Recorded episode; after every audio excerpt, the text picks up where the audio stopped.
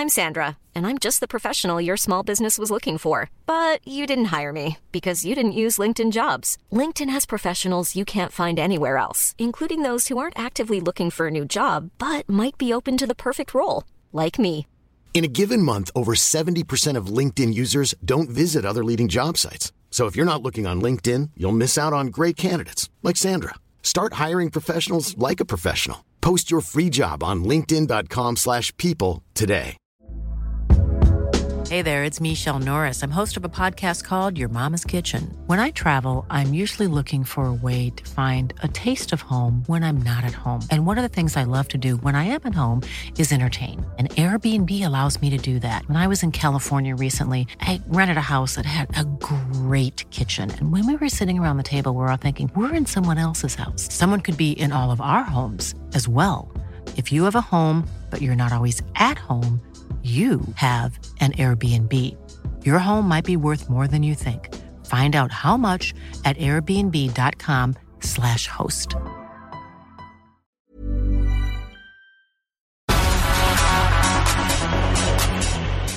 مساء الخير بعتقد انه هالزقيف بيعبر عن محبة محبة لهالاستوديو محبة لهالبرنامج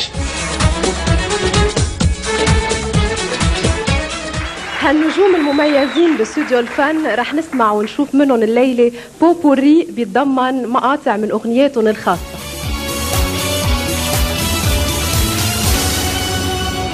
بتعرفوا برامج المواهب الغنائية أو حتى برامج التمثيل والإستعراض وغيرها؟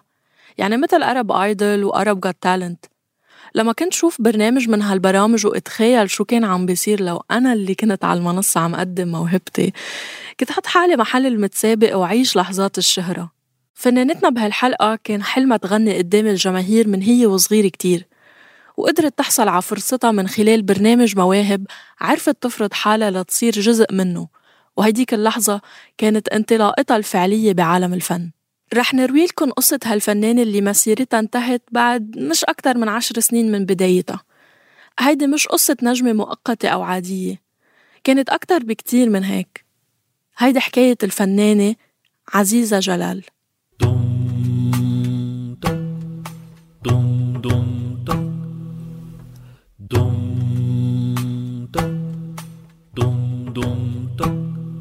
لما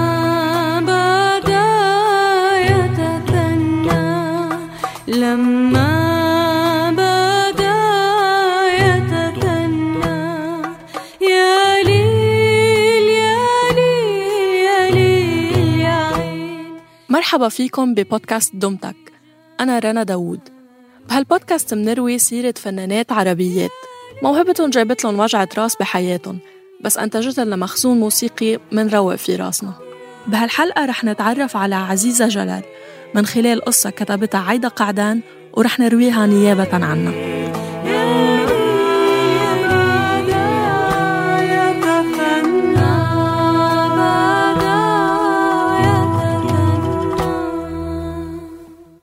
ببلدة مكناس بالمغرب سنة 1958 انولدت عزيزة. تربت عن ستها وجدها لأنه كانوا يحبوها كتير. فكانت عزيزة تزور عيلتها بالعطل الأسبوعية والعطل الصيفية بس. وهي صغيرة كتير صابتها حمى. تسببت لها بحول بعيونها اللي هو عيب بالعينين بيعدم التوازن بينهم. هالحول بحينها ما كان بينفع يتعالج غير بعملية جراحية. لكن كان فيها تعملها بس لما تصير أكبر شوي بالعمر.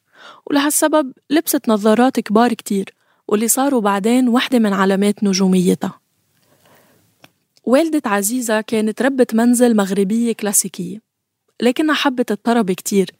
كان حلمها تصير مغنية لكنها تخلت عن هالحلم وتزوجت وصارت ربة منزل. يعني كانت تعمل أعمال منزلية وتربي أطفالها.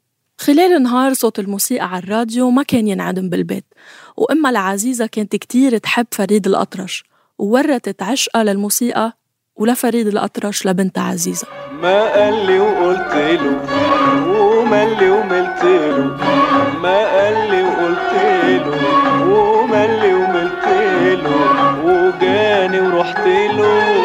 عواز الفلفلو ما قال لي وقلت له يا عواز الفلفلو ما قال لي وقلت له يا يا عواز الفلفلو اكتشفت عزيزة قدرتها على الغناء وهي صغيرة ومع الوقت فهمت إنه هيدا بده يكون مسارها فلما كانوا يطلبوا منهم بالمدرسة يحفظوا الآيات والسور القرآنية كانت عزيزة تلحنهم وتغنيهم.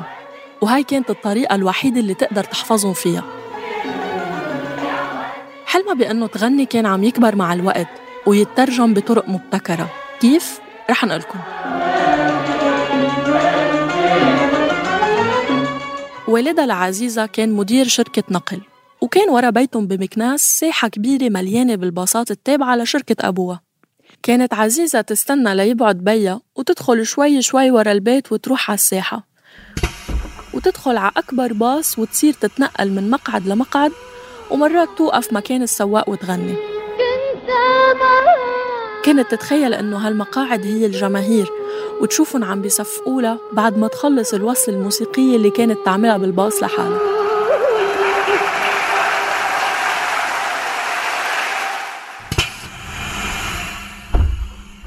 وهيك كانت عزيزة كل مرة بتزور أهلها. تختار لها شي باص وتعمل فيه حفلة صغيرة. وضلت هالأمنية بنفسها وهي إنه تغني قدام الجماهير. بيوم من الأيام سنة 72 بحسب رواية عزيزة راحت هي وأمها ليزوروا صديقة والدتها بالرباط. وهنيك عزيزة تعرفت على بنت صاحبة أمها واللي كانت تشتغل بالإذاعة والتلفزيون المغربي. قعدت عزيزة مع هالصبية ولما انشغلت أمها شوي أقنعتها تاخدها معها لتشوف استوديوهات الإذاعة والتلفزيون. بالأول رفضت لكنها قبلت بعد إلحاح من عزيزة. وصلت عزيزة مع صديقة العيلة على الإذاعة والتلفزيون. وبما أنه هيدا مكان عملها تركت عزيزة باستوديو المواهب تتفرج على تسجيل حلقة وقالت لها ما تتزحزح من مكانها لتخلص نهار الشغل. دخلت عزيزة استوديو المذيع عبد النبي الجراري وكانوا عم بيسجلوا حلقة مواهب. قعدت بآخر المدرج وفكرت بنزل خبرهم إنه بغني لكنها ترددت. بس بعدين صارت تنقل من كرسي للتاني تحته لحتى تقرب على المسرح لحد ما وصلت لأول صف. بعد شوي إجا وقت الاستراحة فطلع طاقم التسجيل والمتسابقين والجمهور لبرا. وبلحظتها مرق الجراري مقدم البرنامج وشافها قاعدة لحالها فسألها شو عم تعملي هون؟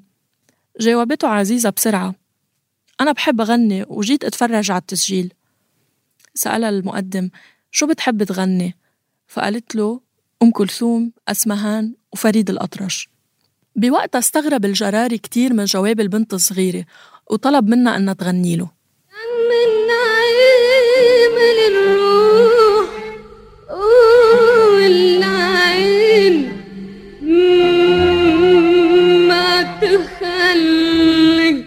غنت عزيزة وحدة من أصعب أغاني أسمهان ليالي الأنس. وهالأغنية من الحجم التقيل يعني. انبهر المقدم والموسيقار الجراري وطلب منها ترجع تاني يوم مع أهلها خلال هالمحادثة دخلت صديقة العيلة عليها ولقيتها قاعدة مع الموسيقار وعم بتغني له. الشي اللي ما كانت متوقعته أبدا. قعدت عزيزة بطريق الرجعة على البيت تضرب أخماس بأسداس وتفكر كيف بدها تحكي لأهلها هلأ. إنه والدها كان رجل محافظ وما كان رح يقبل بمسار الفن أبدا. بس لما وصلت على البيت وقالت لأهلها اللي صار معها حست إنه إمها مبسوطة فيها بس من غير ما تظهر لها عشان يمكن عم بتحقق حلم. هالحلم اللي الأم ما عرفت تحققه لنفسها. بعد أخذ ورد قرروا أمها وأبوها يرافقوها تاني يوم على برنامج المواهب. وصلت العيلة على الإذاعة والتلفزيون وكانت عزيزة حاضرة لتطلع على المسرح الحقيقي. مش الباص. وقدرت تحقق هالحلم.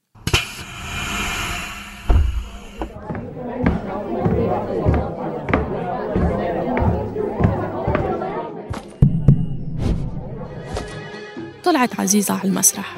وكأنه هالمشهد عادي. يعني كأنه عزيزة كل يوم بتغني قدام جمهور وكاميرات وفرقة موسيقية.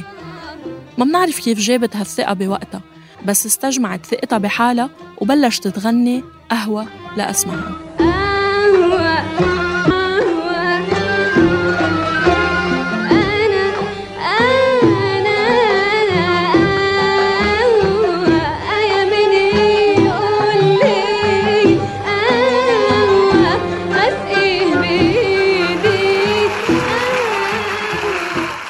خلصت الأغنية وصفق الجمهور بجنون. وإجا لعندها الجراري وقال لها لازم ترجعي تسجلي الأغنية وتمري بالبرنامج. أبوها قال طيب منفكر ومنشوف إن شاء الله.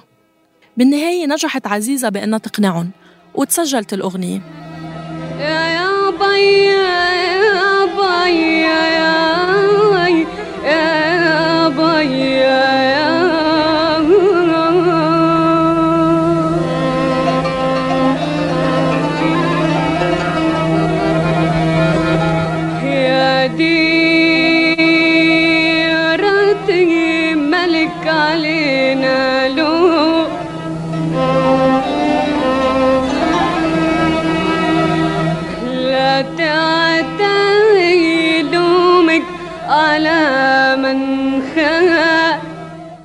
انتشر فيديو لهالأغنية على التلفزيونات وأذيعت الحلقة على الراديوهات أكثر من مرة وكتبوا عنها بالصحف واكتسحت دول المغرب العربي. تفاعل الجمهور المغربي بقوة مع عزيزة جلال إنه مين هالبنت الصغيرة اللي بتغني لفنانين كبار مثل أسمهان؟ ومن وين طلعت فجأة؟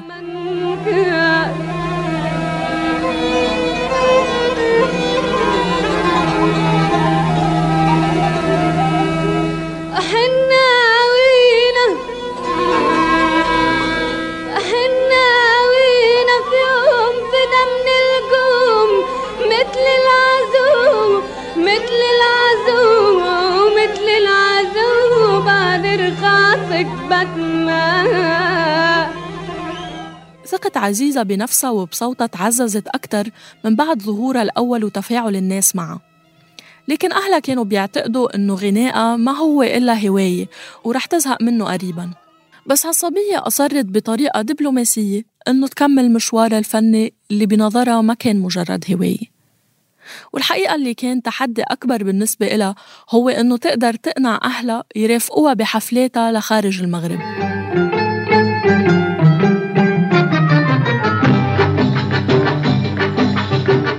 أول حفلة لعزيزة برا المغرب كانت بالإمارات سنة 1975 دعوها بوقتها لتحيي حفل ضخم بمناسبة اليوم الوطني الإماراتي. بوقتها كان عمر عزيزة 17 سنة بس ولأنه ما كان عندها أغاني خاصة فيها. الموسيقار جابر الجاسم عمل لها ثلاث أغاني خليجية.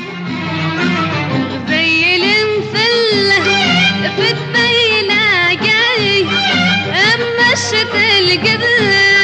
سلمت حياني تعلمت عزيزة نطق مخارج حروف هالأغنية بسرعة كبيرة ويقال إنه الناس ما كانت تعرف إنها مغربية لحد ما هي صرحت بالموضوع سنة 1976 يعني الناس قعدت سنة كاملة مفكرتها إماراتية.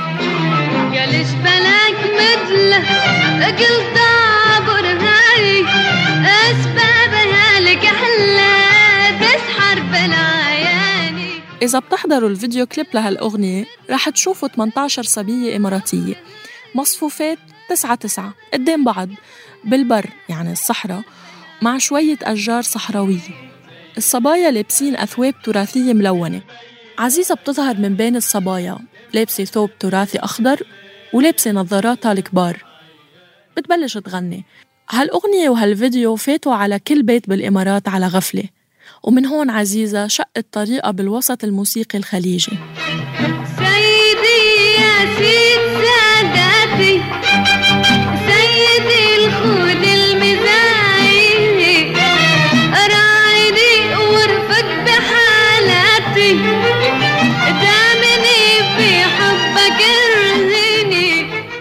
بعد نجاحها السريع بالإمارات عرفت عزيزة أنه طريقها للشهرة بالعالم العربي الكبير رح يجي مع وصولها لمصر.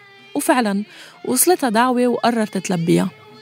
اللي صار أنه إجاها اتصال من شركة تسجيل مصرية اسمها صوت الفن.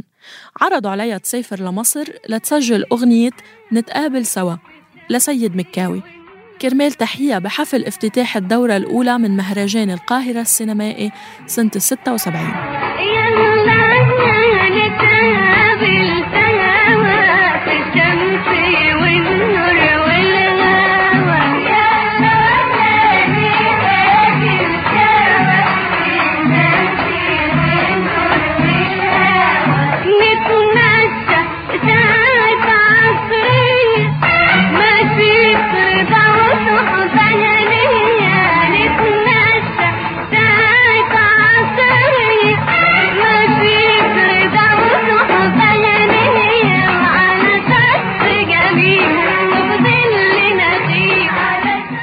عزيزة طبعا وافقت إنه مين ممكن يرفض هيك فرصة بهيداك الوقت لحتى يشق طريقه الفني ويتعرف على أهم الموسيقيين ويشتغل معهم.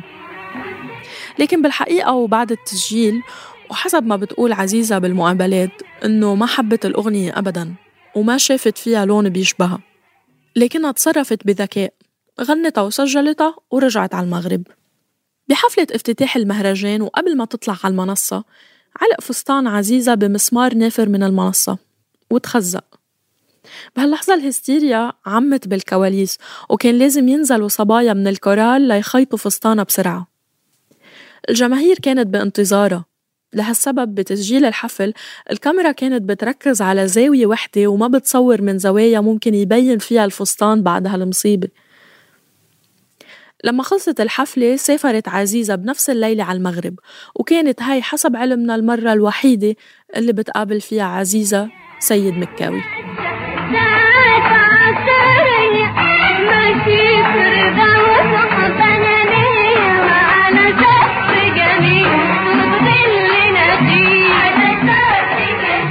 الأغنية عملت ضجة بمصر والتساؤلات انتشرت مين هالبنت؟ ولمين هالصوت؟ وهالشهرة خلت عزيزة ترجع على مصر لحتى تكون على الساحة وتقدم عروض. وهالمرة الملحن اللي اشتغل معها لما رجعت على مصر كان الموسيقار محمد الموجي. غنت عزيزة كتير أغاني مع الموجي ونجح أنه يطلع جزء كبير من صوتها بالتعاون مع الشاعر عبد الوهاب محمد اللي ربطته علاقة قوية كتير بعزيزة على مدار عمرها الفني. عبد الوهاب محمد لقي بعزيزة الصوت المنتظر لأغاني تخبت سنين طويلة بدرج مكتبته الموسيقية. بالنسبة له عزيزة كانت الهدية اللي نزلت عليه من السما. ومن هون وببداية هاللقاء تحررت الأغنية اللي كانت مخبية عشرين سنة وانطلقت لتعبي آذان الجمهور لسنين طويلة بعدها.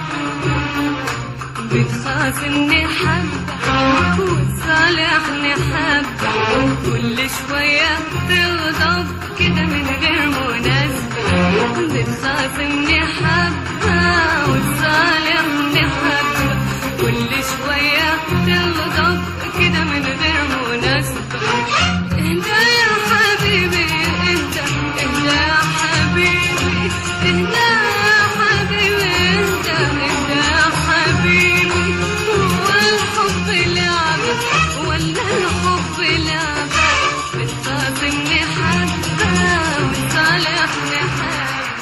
تحالف الثلاثة سوا محمد الموجي عبد الوهاب محمد وعزيزة جلال كسر الدنيا. وهالأغنية ما ضل مكان ما انسمعت فيه بالتاكسي بالباص بالشارع وحتى بالمطار.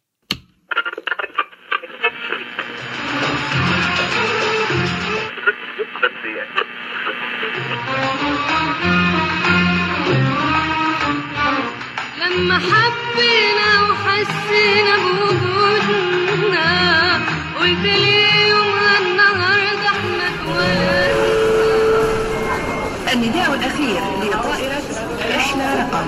ثلاثة ثمانية ستة والمتوجهة إلى هونغ كونغ.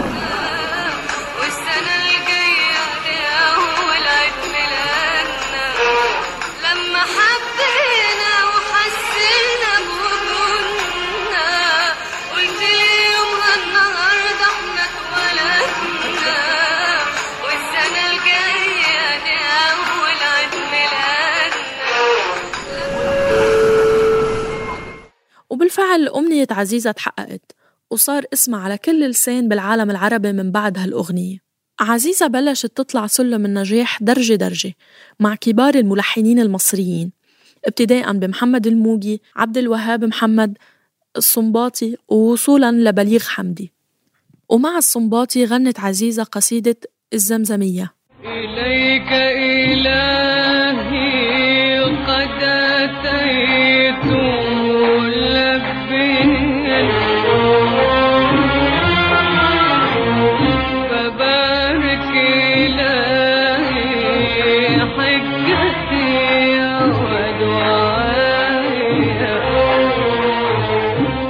لما منسمع اسم الصنباطي عادة منفكر بأم كلثوم. وفعلا بهالقصيدة بالذات صوت عزيزة جلال اللي كان يتشبه شوي لأسمهان كان بهالأغنية أقرب لأم كلثوم. إليك إلهي قد أتيت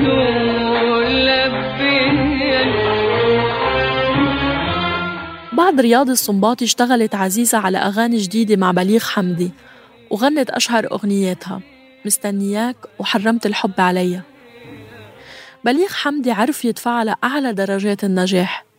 التناغم بين الألحان والكلمات اللي قدم لها إياهن ميزوا صوتها لدرجة إنه مع أغانيه قدرت لأول مرة تحيي حفل خاص فيها لحالها من غير أي فنان أو فنانة تانيين يحملوا الحفلة معها. أنا حبي بديلك كل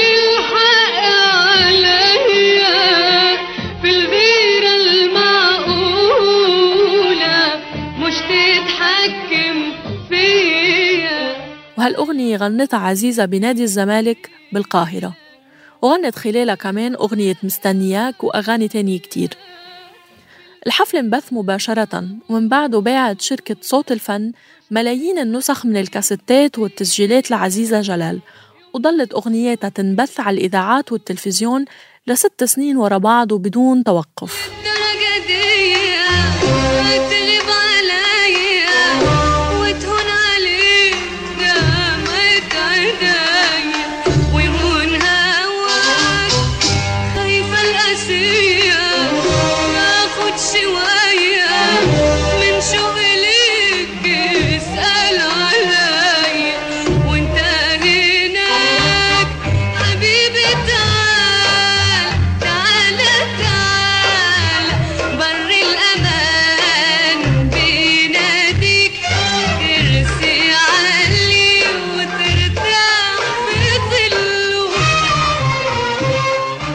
تتخيلوا شو صار بعد هيك؟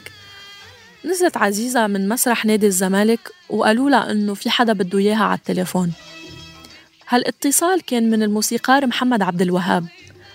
عبد الوهاب حكى مباشرة مع عزيزة وقال لها بالحرف الواحد حسب كلامها طبعا قال لها يا هانم أنت سلطنتيني يا هانم.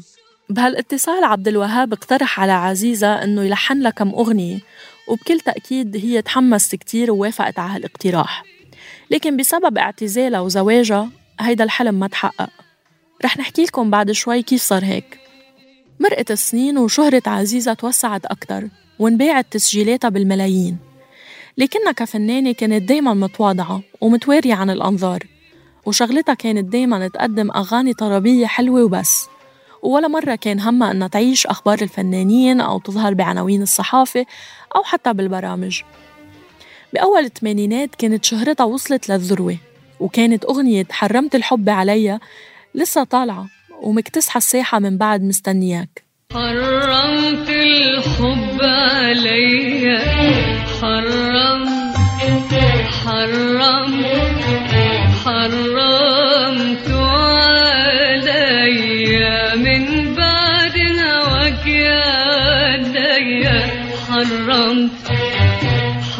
حرمت حرمت بسنة ال 84 وكعادة كتير من أهل المغرب وقت الصيف راحت عيلة عزيزة لإسبانيا لتقضي عطلة الصيف بشي منتجع على الساحل. كانت ناوية تحجز بس تأخرت وكانت كل الفنادق محجوزة.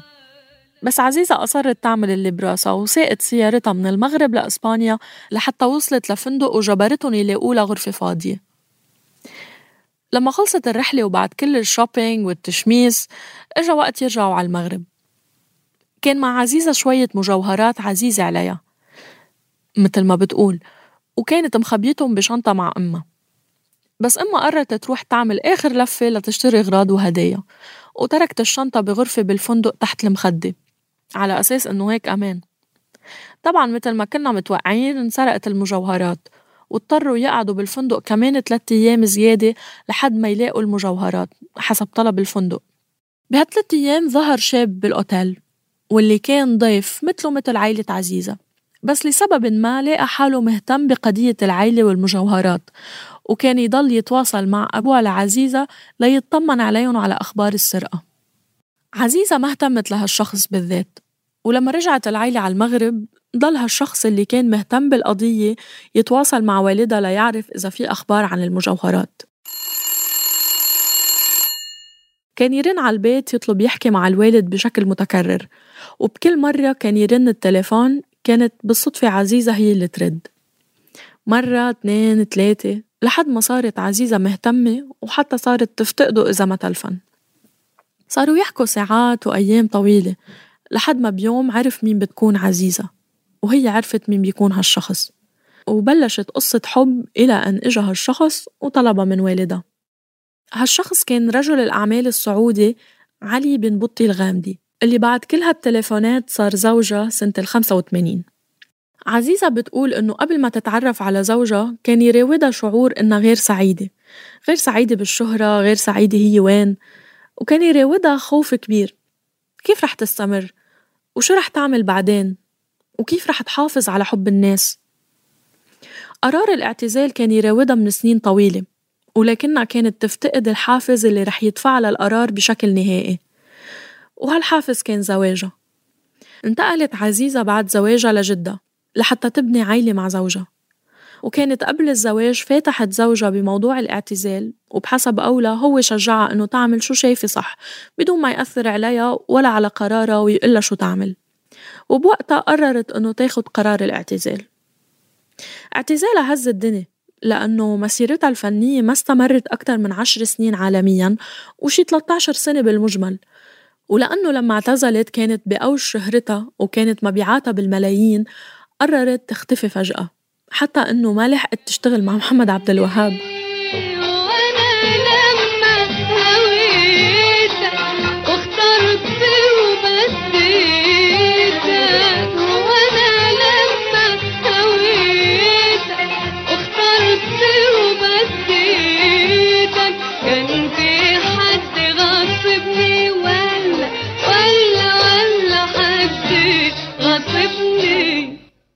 بسنة 2016 توفى زوج عزيزة اللي معه أسست عيلة من ولدين وبنت وبعد بشهرين توفى والدها. هالسنة كانت صعبة عليها كتير. بعد 34 سنة غياب أطلت علينا عزيزة جلال من جديد عبر قناة ال MBC بحوارية دارت لحوالي ساعتين بتروي عزيزة جلال خلالها مسيرتها الفنية من بدايتها وحتى سنة ال 85 حكت كتير عن زوجها وعن قصة مرضه ووفاته. وبهالمقابلة كانت لابسة حجاب ونظاراتها الكبار الشهيرين ولساتها بتتملك صوت مش بس حلو بس كمان حنون وعبقري. إلا أول ما تقابلنا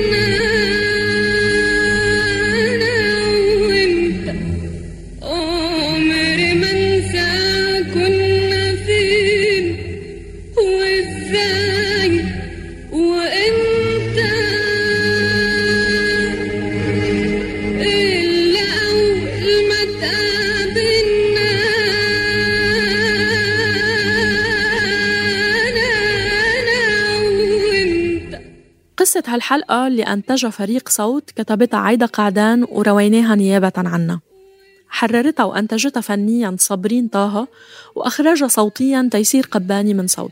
وقدمت لكم إياها أنا رنا داود. اشتركوا بقناة دومتك على أي وسيلة بودكاست بتفضلوها. وتابعونا لتسمعوا آخر قصة بموسمنا الأول من هالبودكاست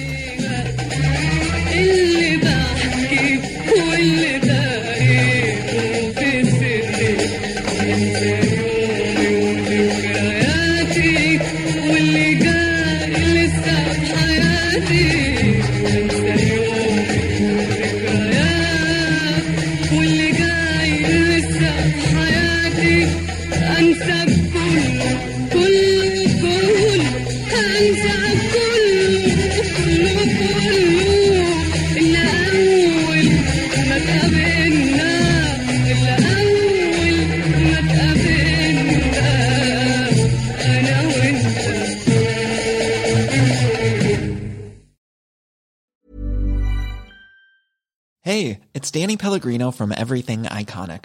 Ready to upgrade your style game without blowing your budget? Check out Quince. They've got all the good stuff shirts and polos, activewear, and fine leather goods, all at 50 to 80% less than other high end brands.